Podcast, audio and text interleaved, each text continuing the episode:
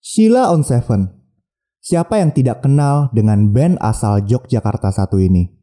Band yang sudah berdiri selama 24 tahun ini telah merasakan kesuksesan yang luar biasa selama karirnya. Mulai dari banyaknya penghargaan musik hingga rekor penjualan album yang selalu di atas 1 juta kopi. Namun, pernah ada masa di mana band ini menjadi band yang dibenci oleh banyak orang di Indonesia.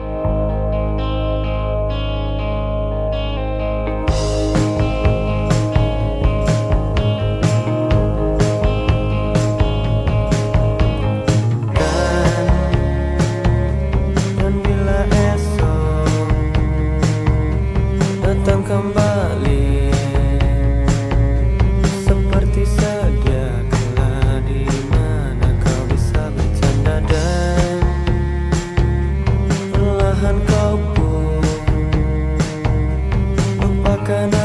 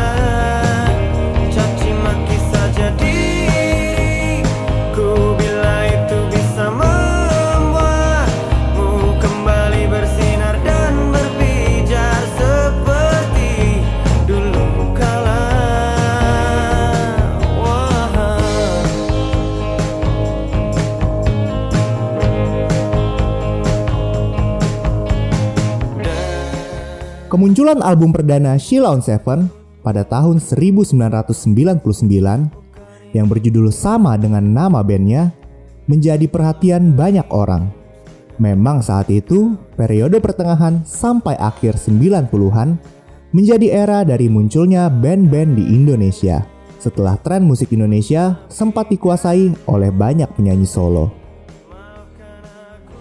Kehadiran Sheila on Seven jelas mengagetkan banyak orang Kemunculan lagu-lagu seperti Dan, Jadikan Aku Pacarmu, dan Anugerah Terindah yang pernah kumiliki sukses menjadi hits bagi banyak orang di Indonesia. Popularitas Sheila on Seven semakin meningkat setelah salah satu lagu mereka yang berjudul Kita menjadi soundtrack sinetron Indonesia Lupus Milenia.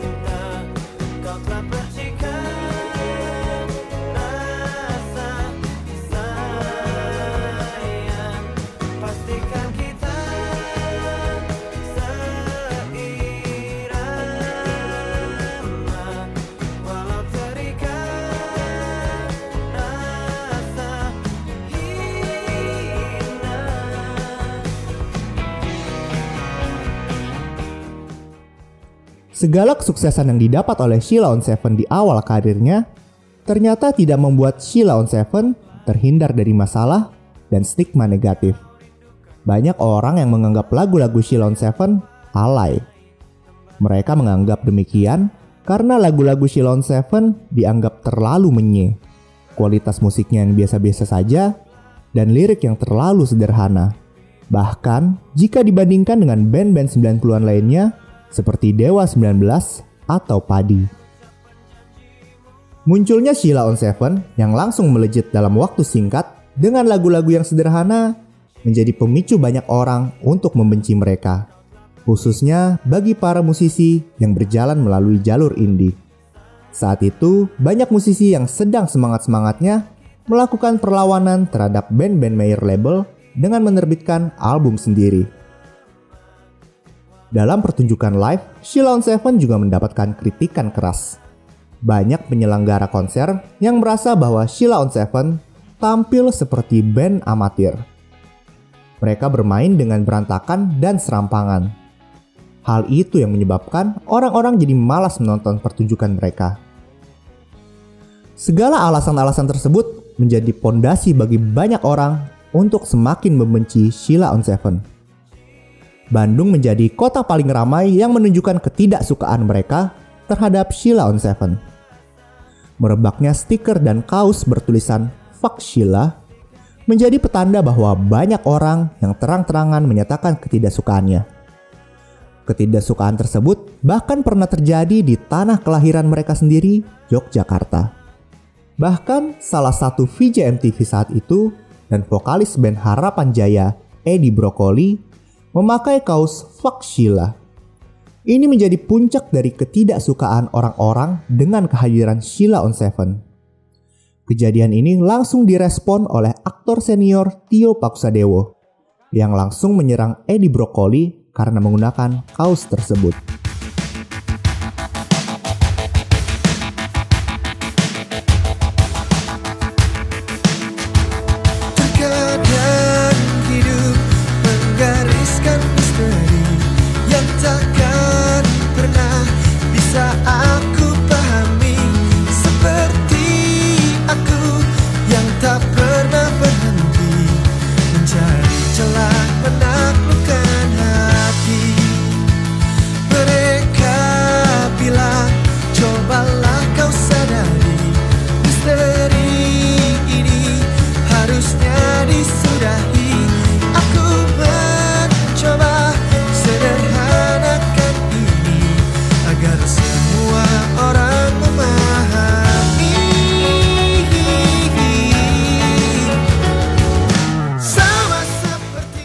Waktu terus bergulir. Sheila on Seven nampaknya tidak terlalu peduli dengan gelombang kebencian orang-orang terhadap mereka. Walaupun mereka sempat mengalami masalah setelah Sakti dan Anton keluar, mereka terus produktif mengeluarkan album-album terbaik. Musikalitas mereka semakin berkembang dari sisi aransemen maupun lirik. Di atas panggung, penampilan mereka semakin membaik Meskipun masih ada kritik berdatangan, namun mereka tidak menyerah dan terus memperbaiki penampilannya. Album-album mereka semakin disukai oleh banyak orang. Dari album pertama mereka hingga hari ini, Sheila on Seven telah menelurkan 10 buah album. Semua album ini telah mencatat rekor penjualan lebih dari 1 juta kopi. Sebuah prestasi yang sangat sulit dilakukan di era pembajakan musik yang masih kencang pada saat itu. Saat ini, tidak ada lagi yang menghina Sheila on Seven. Tidak ada lagi yang mencap musik mereka alay. Sheila on Seven telah memiliki banyak penggemar di seluruh Indonesia, bahkan sampai Malaysia. Lagu-lagu mereka banyak dibawakan di pensi, kafe-kafe, acara perpisahan sekolah, bahkan oleh pengamen jalanan. Tidak ada lagi orang yang khawatir dicap alay karena mendengarkan Sheila on Seven. Saat ini, banyak orang-orang yang menyukai Sheila on Seven karena kesederhanaan musik dan liriknya. Musik-musik Sheila on Seven membuat banyak orang merasa terhubung karena lagu tersebut mampu menceritakan kisah hidup mereka. Ini merupakan sebuah ironi karena kesederhanaan lirik dan musik menjadi alasan bagi banyak orang untuk membenci mereka dulu.